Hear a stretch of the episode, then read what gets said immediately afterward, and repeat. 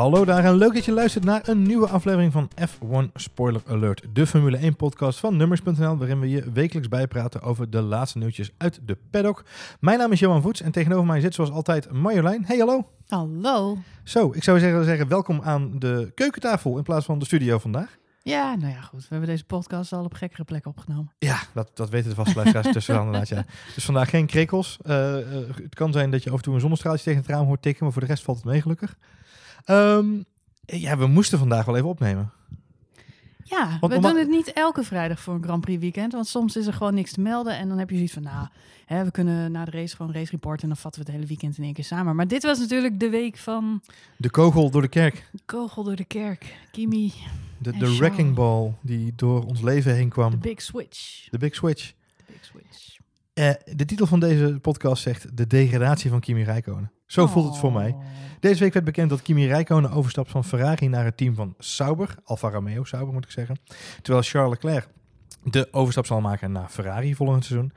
Uh, Räikkönen bracht het nieuws afgelopen dinsdag zelf via Instagram, Mm -hmm. want daar is hij heel, uh, heel uitgesproken op, op dat kanaal. Uh, daarna volgde Ferrari al vrij snel met een officiële bevestiging en de aankondiging van Leclerc. jammer, toch? Ja, jammer, maar we hebben het vorige week ook al over gehad. En na afgelopen race in Monza was het wel inevitable. Er zijn zelfs uh, bronnen die beweren dat Kimi het al wist voor Monza. En dat dat de reden is geweest dat hij zo getergd was en ineens nog zo'n pole position eruit heeft geperst. En het schijnt, het schijnt bijna, Mika Salo, hè? Zijn, uh, zijn mede-Fin en ook mm -hmm. oud Ferrari-coureur mm -hmm. volgens mij, Mika Salo ja, inderdaad. Uh, die liet weten al na afloop van de race in Monza dat hij on het onbegrijpelijk vond, eigenlijk vorige week liet hij dat weten, dat hij het onbegrijpelijk vond dat het nog steeds niet naar buiten was gekomen. Mm -hmm. Omdat Kimi en Mintu, want die was natuurlijk heel emotioneel, Mintu, hè? ijskoude tranen, um, uh, die waren heel emotioneel tijdens het, het hele weekend altijd. Maar Kimi zou te horen hebben gekregen voor de start in Monza al dat, dat zijn contract niet verlengd zou gaan worden.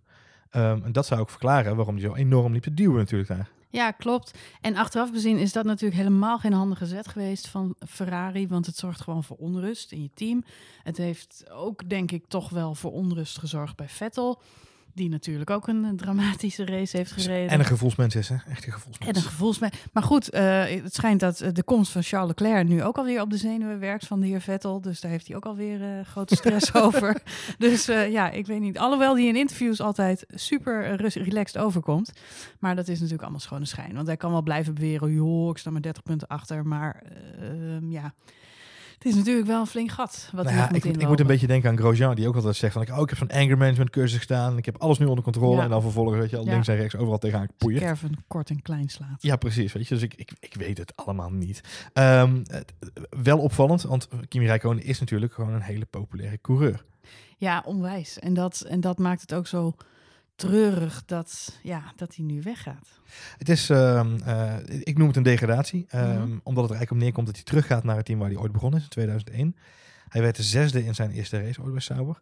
Vind jij dat ehm, een, een wereldkampioen dit soort acties... Ik bedoel, ik vind... ook Alonso heeft natuurlijk niet het beste, de beste afscheidstournee alle tijden gehad, om het zo maar even te zeggen. Nee, maar ehm, kijk, we hebben twee min of meer vertrekkend wereldkampioenen hè, aan het eind van dit seizoen. Maar niet zozeer min of meer. Nou ja, ja, Kimi oh ja, blijft Kimi blijft natuurlijk. Kimi blijft bij, ja, bij, bij. Sauber. Dus hij is nog niet helemaal weg. Nee, maar dat het is wel het einde van een tijdperk. Het zijn de, ja, nou ja, ik noem ze, het zijn de mannen van mijn generatie. Dus eh, nou kijk ik al heel lang Formule 1. Vroeger waren coureurs altijd ouder dan ik. En op een gegeven moment zijn ze net zo oud als jij. En nu zijn ze allemaal jonger dan ik. Want met het vertrek van Kimi, Kimi was de laatste coureur die nog ouder is dan ik. Eh, die gaat nu ook weg. Ja. Of tenminste, ja goed, Ja, hij blijft nog even. blijft dat vind ik dan wel weer cool. Dat hij gewoon, er zit gewoon straks een 41-jarige man eh, nog in de Formule 1. Ik moet nog zien of hij dat gaat redden, Marjolein. Ja, dat moet ik ook nog zien. Ik denk niet dat hij dat gaat volhouden namelijk. Ik denk dat hij Ik, één keer eh, boah, doet vol seizoen en denkt van ik ga hier niet nog een jaar in zitten. Ik denk niet dat hij er vrolijker op gaat worden volgend jaar. Nee, goed, nee. hij was dit jaar al niet vrolijk met al zijn tweede plekken. Dat gaan we aan Kimi sowieso nooit merken natuurlijk. Maar Ik- Er, stond, er stond een heel mooi ehm, eh, eh, stuk op eh, motorsport.com. En eh, ik ga het toch even voorlezen. Want eh, ik, heb, ik heb het jou net ook al verteld, maar ik vond het zo'n mooi openingslied. het is eh, een stuk op motorsport.com van ehm, eh, welke auteur? Het Even kijken. is altijd goed om de Eh, auteur erbij te noemen. Scott Mitchell. Ja, dat is eh, goed. Ja, vaste redacteur. Ja, daar, ja. Het is een Prime artikel, dus eh, eh, ik kan alleen de eerste alinea lezen. Maar daar staat, bear with me, want het is in het Engels. Eh, disinterested, disengaged and disproportionately popular. Kimi Raikkonen is one of the great puzzles of modern Formula One. He offers nothing to the media, yet remains one of the most powerful sources of interest.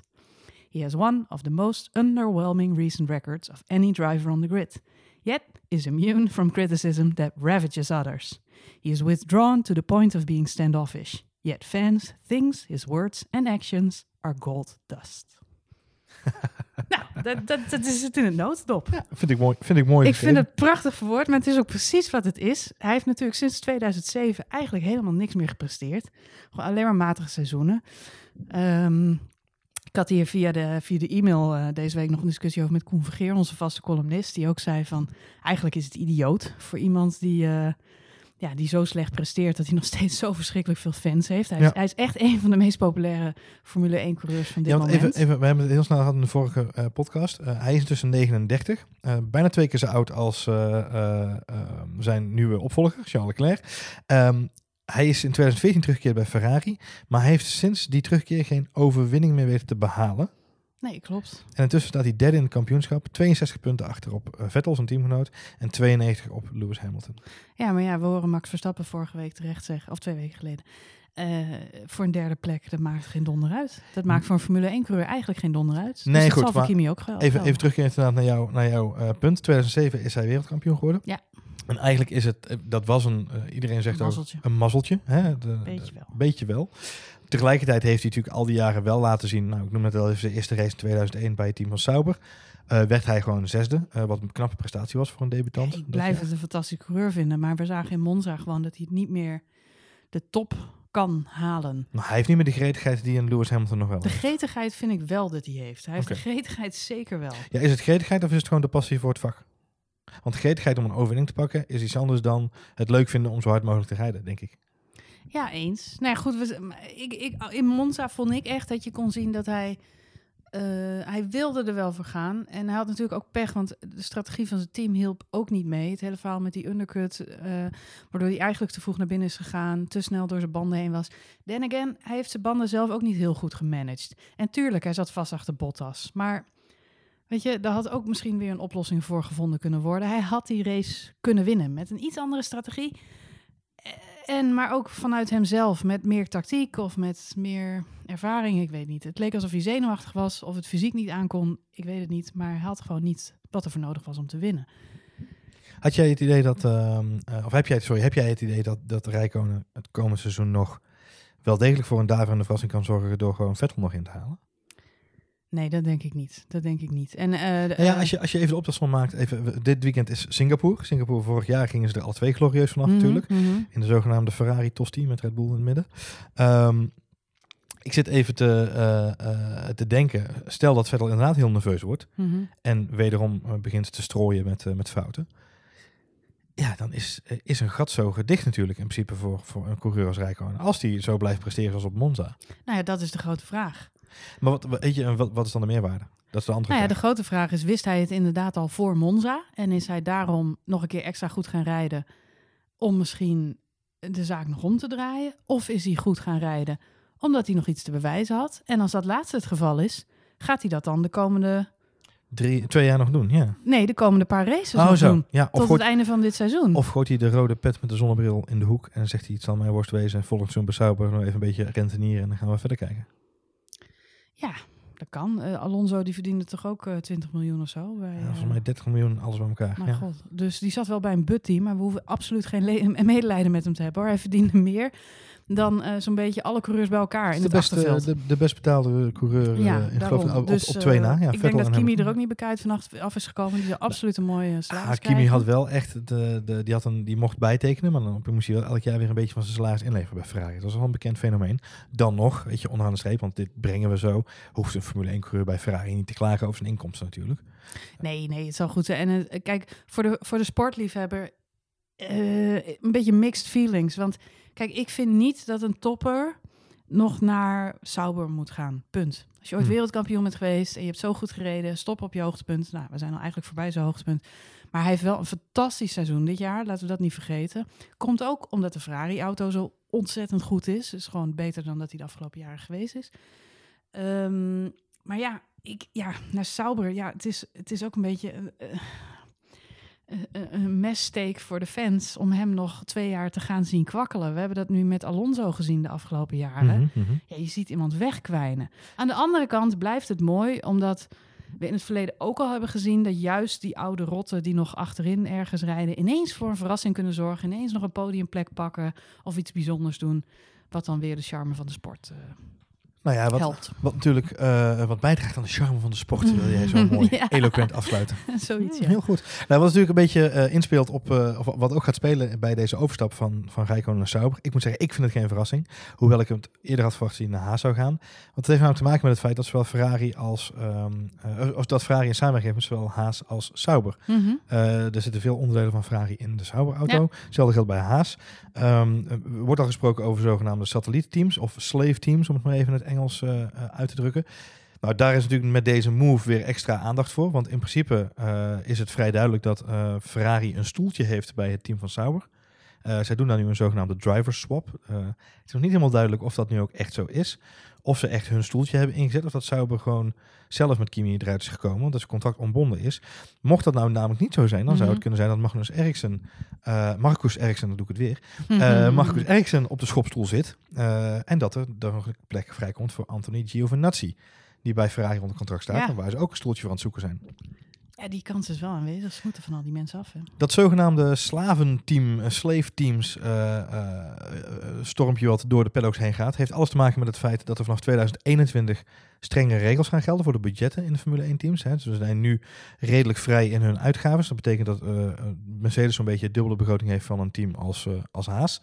Ehm, maar vanaf 2021 wordt daar een, een regel aan verbonden en mogen ze maximaal een vast bedrag uitgeven aan de ontwikkeling van hun motoren en auto's. Dat leidt ertoe dat nu al een heleboel teams ehm, veel meer gaan samenwerken met andere kleinere teams. Mhm. We zien op de huidige grid zien we Mercedes en eh samenwerken met Williams en Force India. Eh, Ferrari zien we natuurlijk met Haas en Sauber samenwerken. Nou, dat zie je nu ook terug bij, ehm, bij de stap van Kimi Räikkönen, die natuurlijk met zijn Ferrari-kennis heel veel kan gaan bijdragen bij Sauber. Mhm. Renault heeft deze week eh, bij monden van technisch chef Ch- Nick Chester laten weten dat ze zich daar ontzettend veel zorgen over maken. Die raken natuurlijk langzaam maar zeker hun satellietteams een beetje kwijt, want Mhm. eh, Red Bull haakt af en McLaren blijft nog wel rijden. Maar ja, of je daar nou heel veel uithaalt dit jaar, valt te betwijfelen. Ehm, eh, Nick Chester heeft laten weten dat hij zich daar heel erg veel zorgen over maakt, met name als dadelijk die limieten ingesteld worden voor de teams. Dat het ervoor zal zorgen dat teams nog meer gaan samenwerken, nog meer van hun kennis gaan delen. En dat er eigenlijk toe leidt dat eh, teams die echt voor zichzelf alleen maar werken, bijna niet meer kunnen concurreren voor het kampioenschap. Zonder dat zij ook één of twee van deze soort satellietteams onder hun hoede nemen. Met andere woorden, Renault kan straks niet meer mee gaan doen om de wereldtitels, omdat ze geen satellietteam hebben. Ik vond het een prachtig excuus, alvast. Eh, maar ik vind wel, je ziet het wel gebeuren. Hè? Dat, dit is ook iets wat jij eh, natuurlijk ook hebt opgemerkt als het gaat om Mercedes en Williams. Voor Ja, we hebben, het, we hebben het afgelopen seizoen. Je merkt het in hoe we het erover hebben, over de races. Als, als Haas of eh, een ander team, het, zeg maar, een satellietteam van een van de grote jongens het goed doet, dan, dan zeggen we ja, maar zijn Ferrari motor. Ja, maar zijn Mercedes motor. Snap je? Dus zo gauw de Force India's hebben we het ook al een tijd over gehad. Elke keer als ze het goed doen, dan is het ja, maar die worden geholpen. We hebben het veel, veel gehad ook over de, de strategie. Hè? We hebben, in het begin van het seizoen hebben we zelfs vraagtekens gesteld bij het feit dat Haas misschien zelfs wel in opdracht van Ferrari bepaalde manoeuvres zou uithalen. Het ophouden van coureurs, Ja, ehm, klopt. eh, pitstopstrategieën die ze Ja, aanpasten. en dan krijg je wat Formule 1 toch al vaker te horen heeft gekregen. Dat het meer, ja, net als wielrensport, een, eh, ja, een beetje een berekenend verhaal wordt. En dat is voor de fans natuurlijk helemaal niet leuk. Aan de andere kant moet je je ook realiseren dat ehm, het inderdaad voor kleine teams gewoon eh, niet meer op te boksen is om nog te concurreren met de grote twee Mhm. slash drie. Mhm. Ehm, en op deze manier blijft. Ja, je moet ook nadenken, hoe, hoe kunnen we de sport waarborgen?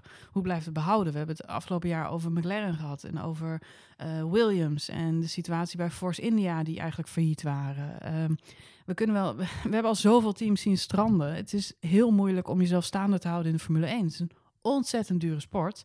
Waar elk jaar gewoon eh, bakken vol met investeringen.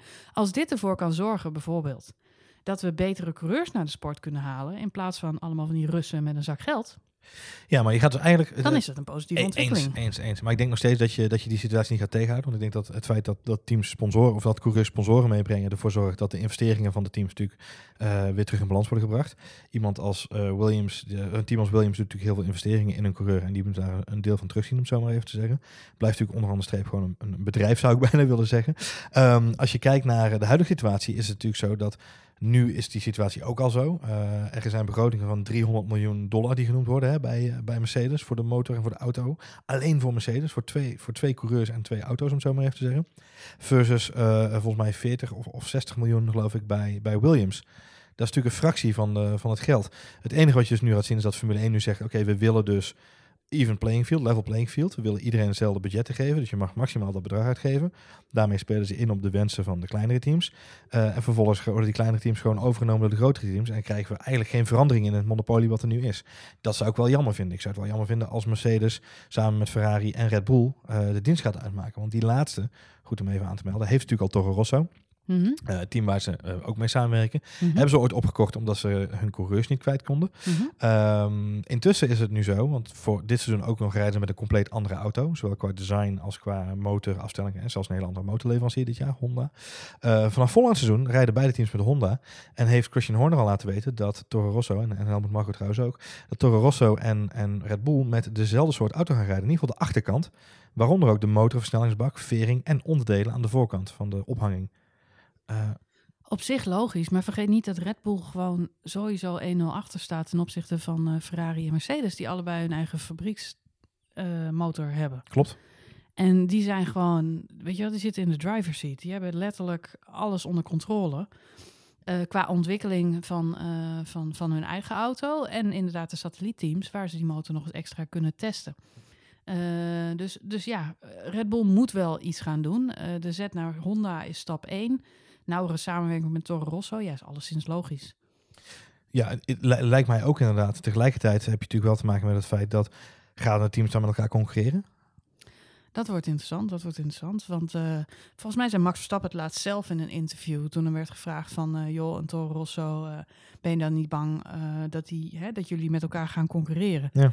Waarop hij, volgens mij was Jack Ploy of zo, Jack Ploy aankeek alsof hij gek was.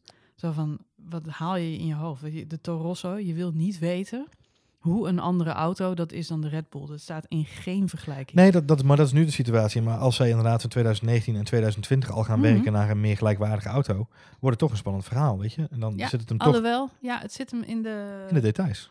Ja, maar dat is het. En dat, en dat ben ik wel met. Maar kijk, je kunt wel de vorm en de aerodynamica en allerlei dingen. Maar het zit hem uiteindelijk ook in eh, kwaliteit van de materialen, ouderdom van de materialen. Toro Rosso ja, eh, maakt gebruik van, eh, van het zijn goedkopere spullen, het zijn oudere spullen. Maar dat willen ze dus Eh, allemaal gelijk gaan trekken volgens hun. Ja, Als maar dat- ze als zullen het is- nooit allemaal gelijk trekken. Dat, dat, dat, goed, dat zou inderdaad zo kunnen zijn. Dat is niet wat ze Dat nu zelf zeggen. duur. Ja, en dan maar heb goed, je er ook geen baat bij. Ho- Honda, Honda wil dat heel graag. Nou ja, goed, je hebt, je hebt in plaats van twee coureurs met testdata, heb je vier coureurs met testdata. Ik denk dat je er heel veel baat bij zou kunnen hebben.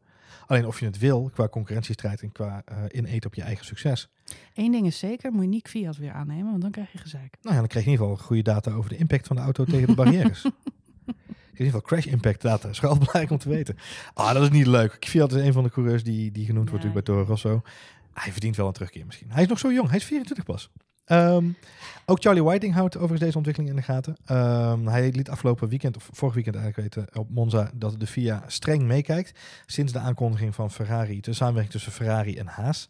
Ehm, die zorgde er namelijk voor dat het Amerikaanse team, wat vorig seizoen nog ja, redelijk liet kwakbollen, eh ergens midden in de subtop, niet eens eh, eh, bovenin de subtop, nu ineens samen met Renault strijdt om, om die plaats in het constructeurskampioenschap.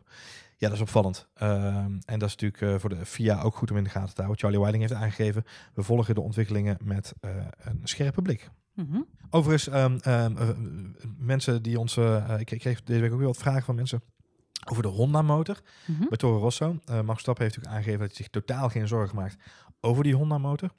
Zelfs mensen die aan mij vroegen, ja, maar die auto is al zo vaak vervangen qua onderdelen. Er zijn al zoveel dingen veranderd in die motor. Ehm, heel simpel en heel kort door de bocht uitgelegd. Honda doet dat omdat ze weten, Toro Rosso strijdt niet om een plek in het, wereld, om het wereldkampioenschap, of in Mhm, het constructeurskampioenschap. Dus zij doen een heleboel veranderingen nu in de auto, al in aanloop naar volgend jaar Mhm. learnings op om dat bij Red Bull mee te nemen. Dus de reden waarom er zoveel onderdelen in de Toro Rosso's al worden vervangen nu, heeft alles te maken met het feit dat ze die motor heel snel willen doorontwikkelen. Mhm. Veel meer eh doorontwikkelingscycli willen maken dan een gemiddelde Formule 1 eh, motor doormaakt. Mhm. En waarmee ze dus daardoor ook ja, sneller die data weer kunnen gebruiken voor volgend jaar. Leuk feitje. eh, eh, Pierre Gasly heeft ook laten weten, of eigenlijk sorry, eh, Marcus Ericsson heeft laten weten dat iedereen zich geen zand in de ogen moet laten strooien door de prestaties van Honda dit jaar. Mhm. Want op Monza werd duidelijk dat de motor echt wel een stuk beter is dan gedacht. Eh Ericsson had namelijk het flink aan de stok met Pierre Gasly in de, in de Toro Rosso. En hij gaf aan dat met name op het rechte stuk de, de, de Toro Rosso al een heel stuk had ingehaald qua snelheid. Hm. Nou reden de auto's daar ook wel een iets andere afstelling qua downforce. Maar dan nog, zei Marcus Ericsson, de, de, de snelheid waarmee de Toro Rosso daar over de, het circuit ging, was vergelijkbaar met die van de Sauber. Nou, dat is in ieder geval een, een positieve ontwikkeling, lijkt mij. Hm. We blijven heel even bij Toro Rosso, eh Marjolein. Want deze week, oud-bekende nieuwe naam, om het zo maar even te zeggen. Mick Schumacher, de zoon van, Mhm. eh, zou in beeld zijn bij Toro Rosso. Mocht vorige, jaar, vorige week nog een bandje uitreiken aan Kimi Räikkönen voor zijn pole position. Ja, dat is een ontzettend leuk speelgoedje waar de dochter van Kimi Räikkönen heel veel plezier aan heeft beleefd. zagen we later op Instagram. Ja. Ehm Mick Schumacher, eh, de- deze week, begin deze week eh, kwam het gerucht naar boven dwarrelen dat eh, Mick Schumacher in beeld zou zijn bij Toro Rosso om het stoeltje van Pierre Gasly over te nemen.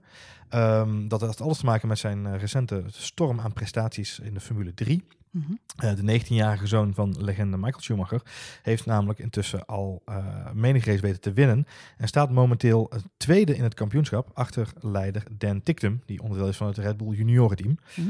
Ehm, helaas voor de mensen van Schumacher eh, fandom heeft Helmut Marko al laten weten gisteravond met grote spoed dat er helemaal geen contact is geweest met Mick Schumacher en dat er ook geen interesse is om hem over te nemen. Ehm, want hij denkt eh, dat die jongen nog eerst moet groeien in de Formule 3 voordat ze daar eh, mee aan de slag kunnen. Dat lijkt me ook alleszins waar. Het is, een, eh, het is wel een talent, hè?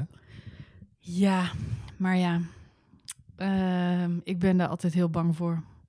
Hij is de zoon van een zevenmalig Formule 1 wereldkampioen. De meest succesvolle Formule 1 coureur ooit. Dus je bedoelt dat er eigenlijk weinig druk op hem ligt. Ooit. Ja, En ik moet altijd denken aan Jordi Cruijff. ja die, is, die is er nu nog steeds kaal van. Het is geen goede uitgangspositie voor de rest van je leven. Je kunt beter een vader hebben die gewoon continu in de ginbak stond. Want dan kun je het alleen maar beter doen daarna. Hmm. En dat voordeel heeft Max natuurlijk. En vergeet niet, eh, hij was ook niet de enige Schumacher, want je had ook nog ene Ralf Schumacher. Ja. Daar werd ook verschrikkelijk veel van verwacht. En die heeft het ook allemaal nooit gered en nooit gehaald. En dat was pijnlijk en sneu om te zien. En daar komt dan ook nog nu, los van eh, de tragedie met, ehm, eh, of liever gezegd, de, het verhaal met het wereldkampioenschap, is natuurlijk de tragedie van, van zijn vader zelf, die nog steeds een onduidelijke positie ergens in Zwitserland, volgens mij momenteel. Ja, volgens mij wil het wel terug naar huis halen. Ja. En eh, ja, ook niet bij zijn zoon kan zijn, ook niet hem kan coachen door deze toch wel zeer politieke sport. En eh, ja, daar mist hij ook gewoon zijn vader. Ja. Weet je wel? Want als het al een coureur lukt, vergeet niet, Max heeft een hoop te danken aan zijn vader. Zeker. Die alle kennis en ervaring die hij heeft opgedaan in de Formule 1 heeft weten ja, in te zetten in een soort superman. Weet je, eh, Max heeft zelfs dezelfde manager als Jos ooit had. Hè? Die, eh, die, die jongen die toen met Jos samenwerkte. Dus zij, ze hebben een hele kleine circle of trust van mensen met wie ze dit programma bedacht hebben. Hoe gaan we Max in de Formule 1 kijken, krijgen? Daar hoorde van alles bij. Max die spreekt al zijn ta- talen vloeiend. Hij kan Duits, hij kan Engels, hij kan... eh, Italiaans volgens mij ook inderdaad. ja, een paar woordjes volgens mij ook inderdaad. Maar als je, je moet hem eens zien op de Duitse televisie, weet je wel. Hij, hij, hij gooit gewoon hele volzinnen eruit. Die man die spreekt feilloos Duits. Omdat eh, eh, Jos zich natuurlijk al gerealiseerd heeft, spreek je talen. Als jij ooit bij Mercedes aan de slag wil, met dat soort mannen wil kunnen schakelen, dan is het handig als je Duits kan. Jos kwam, die was teamgenoot van Michael Schumacher. Ja. Weet hoe groot Formule 1 destijds in Duitsland was. Duitsland was echt Formule 1 land nummer 1, nog groter dan Italië toen. Is het nog steeds, denk ik hoor. Nou, is het na Schumacher nooit meer geweest. En, Hmm. dat, en dat is natuurlijk, kijk, op het moment dat Mick daadwerkelijk de stap naar Formule 1 gaat maken. En ik, ik denk wel dat het gaat gebeuren, maar puur op naambasis. We hebben ook ooit Bruno Senna gehad, dat was een neefje. Ja, jawel. Die is we ook. de, de, de eh, Fittipaldi's hebben we ook gehad natuurlijk. ja, die rijden dan wel een blauwe maandag rond. Maar daarna zijn ze een jaartje of twee jaartjes zijn ze ook weer weg. Ja. Ik ben heel bang dat het met Mick ook gebeurt. Dus ik ben Veel neuf. Hè? Ja, maar Villeneuve, zijn vader was ook, ja, nou ja, goed, was, ja, was wel een grote, maar jong verongelukt. Ja. Ehm, dus dat gaf Jacques nog een soort van ruimte. Maar ja, ehm, eh, Rosberg, Ja. ook zo'n verhaal. Ja. Eh, zo gauw die wereldkampioen werd, stopte hij ermee. Omdat het het hoogst haalbare was. Nee, dat zie je verkeerd. Maar hij zag gewoon heel veel kans op het gebied van podcasting en vloggen. Vloggen, ja, nee, dat klopt. Nee, maar het, is, het geeft wel goed aan. De zoon van, zeker van de zoon van een wereldkampioen, eh, heeft het zwaar. Omdat je, omdat je, je moet je vader evenaren. En als dat dan lukt, Jacques Villeneuve is dat gelukt, die is één keer wereldkampioen geweest. eh, eh, Rosberg. Rosberg is dat gelukt, is één keer wereldkampioen geweest. Nou, als dat lukt, dan vanaf dat, dan is een soort, pff, man, druk van de ketel. En dan, eh, ja, daarna wordt het of uh, inderdaad vlog en podcast, eh, een, nieuw, een nieuw leven als influencer ontdekken. Nou, misschien had Jacques Villeneuve dat in zijn tijd ook wel gedaan, als het toen al had bestaan. Ja. Jacques Villeneuve heeft daarna nog, die rijdt nog steeds in een of andere Ik, wheelbang ik zou eh, Villeneuve- ik volgens zou- mij. ik zou Jacques Villeneuve niet nu meer naar voren willen schuiven als influencer eigenlijk. Maar dat is. Hey, maar die is nooit meer uit een auto gekomen.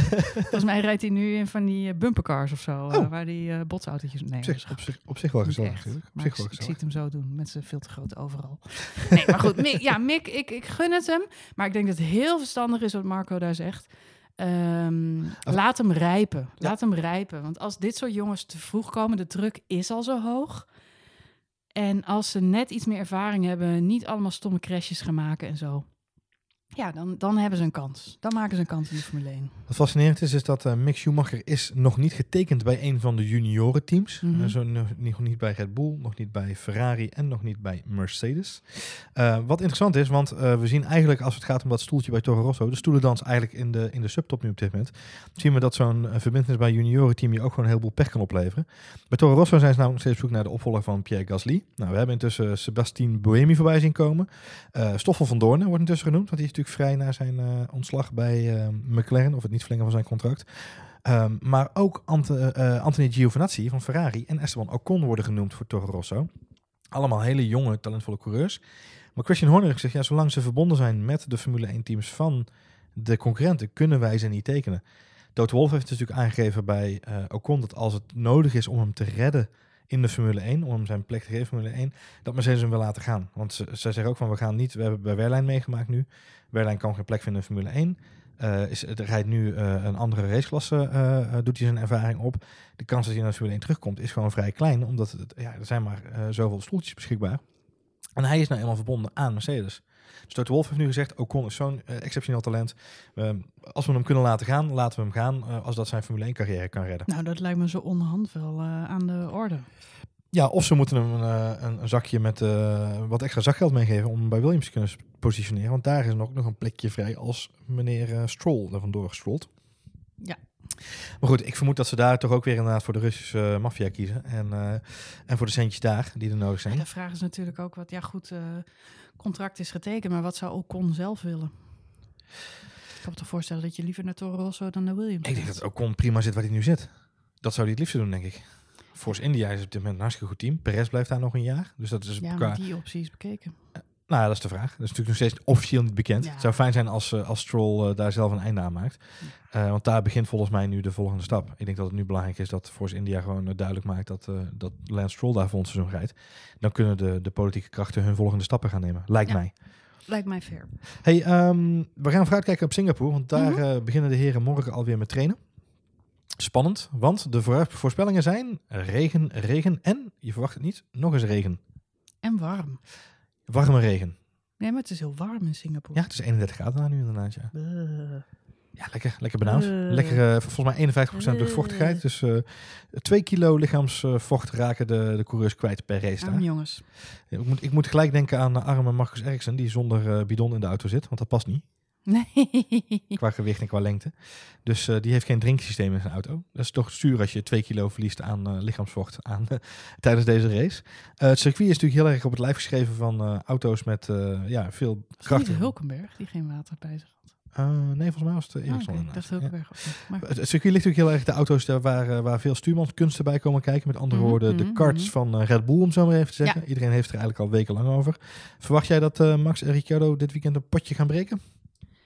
Nou, ik denk, het zal wel leuk zijn voor Ricciardo als hij weer eens een keer, Een keer de finish haalt. een Ja. keer de finish haalt, een keer zichtbaar is. Een keer meereist. Ja, wij Nederlanders hopen natuurlijk dat Max het beter doet. Dat, dat, dat, dat hoop ik ook wel. Maar het zou wel leuk zijn als Red Bull gewoon als team weer eens een keer een goed weekend had. We hebben nu genoeg leedvermaak gehad over Daniel Ricciardo en zijn move naar Renault. Dat zal zich volgend jaar gaan uitwijzen. Ik denk nog steeds dat het een hele, hele domme zet was. Volgens Carlos Sainz gaan ze volgend jaar concurreren met Mercedes en Ferrari. Ik weet niet hoe Ja, dronken Carlos Sainz was. weten. nee, drunk or kid. Ja, precies. Maar ehm, nee, ja, ik, ik, hoop dat Red Bull weer een keer een goed weekend heeft. En ik hoop dat eh, Ricciardo het goed doet. Ik denk ook dat Ferrari wat eh, in te lossen heeft. Eh, daar is hopelijk nu rust in het team. Vettel die zal echt een comeback moeten maken. Dus ik denk Vettel 1. Eh poeh. Verstappen 2. Verstappen 2. Verstappen Ik weet het niet. Verstappen, ja, Verstappen 2. Verstappen Kimi, Kimi 3 of zo? Kimi finish niet. Kimi finish niet? Jongen, jongen, jongen, jongen. Ja, ik, ik weet het niet. Ik denk, ik denk Verstappen 2. Ik, eh, eh, de reden waarom ik de weerspelling ook expliciet erbij benoemde, is ik vermoed namelijk, het circuit is, is echt in het voordeel van Red Bull. Echter, regen maakt het in dit geval niet makkelijker voor Red Bull, Mhm. omdat het een level playing field genereert in Singapore. Singapore is een stratencircuit. Mhm. betekent dat eh, op het moment dat er regen gaat vallen, dat de straten echt spekglad worden. Ehm, dat maakt het weer een soort van, dat maakt het voor Mercedes en, en Ferrari weer realistischer om aan te haken. Ja, je zei regen. Ja, misschien En- moet ik dan... ehm, En Ja. Lewis Hamilton heeft bewezen deze eh, afgelopen regende races die er zijn Ferraris geweest. in de regen, dat is drie keer niks. Nee, het zijn mooi weerauto's. Ehm, en, en Lewis Hamilton heeft in de regen bewezen dat hij met zijn Mercedes hele speciale trucjes kan uithalen. Dus ik hoop eerlijk gezegd dat we het eh, in ieder geval tijdens de kwalificatie maakt nu zeer veel uit. Voor de kwalificatie zou het leuk zijn als het regent. Maar tijdens de race denk ik dat we er meer aan hebben als het, ehm, als het droog blijft. Hm. Dat is mijn mening. Ik ben benieuwd. We gaan het zien. Zondag. Hoe laat is de race? Uurtje eerder, hè? Tien over twee. Tien over twee. Niet vergeten, mensen. Niet pas om drie uur voor de buis, want dan is alles al gebeurd. De Openingsronde, dat is allerbelangrijkste. Allerbelangrijkste. Nee, het, kan zelfs al in, in, in 100 meter kan het gebeurd zijn, zoals vorig jaar. We gaan er naar kijken, Marjolein. Ik eh, zeg eh, klaar zit op de bank. Het is een, het is een avondrace. Vind ik wel weer leuk. Ik heb wel zin in. Ja, daar. Ja, het is in het donker. Dat Ja. ziet er altijd heel mooi uit. Dus ik ben heel benieuwd. Spectaculair is gegarandeerd eh, spektakel daar in Singapore. Hey, tot zover deze aflevering van F1 Spoiler Alert Update. Wil je naar ons reageren, dan kan het altijd het snelste via Twitter naar Marjolein. met een lange ei of naar het Johan Voets met een lange oe.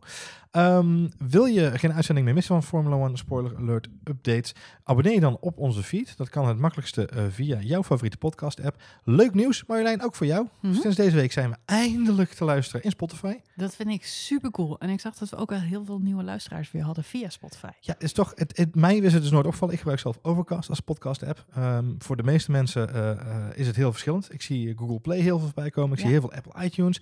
Maar Spotify is echt aan het groeien. Dus ik ben heel blij dat we eindelijk in Spotify ook eh, beschikbaar zijn. En al onze podcasts. Ik wou net zeggen, Dus geldt niet Ook V2 met Ook- Michiel Veenstra. onze Gadget podcast en Rush Talk. En Rush Talk over technologie. Deze week over iPhones waarschijnlijk. Nee, deze week over de Nederlandse Google Assistant. Vorige week hebben, Vorige we, week een, over vorige week hebben we een vooruitblik gedaan Ah, inderdaad op de iPhone lancering van afgelopen woensdag. Leuk. Goed, tot zover deze aflevering van F1 Spoiler Alert.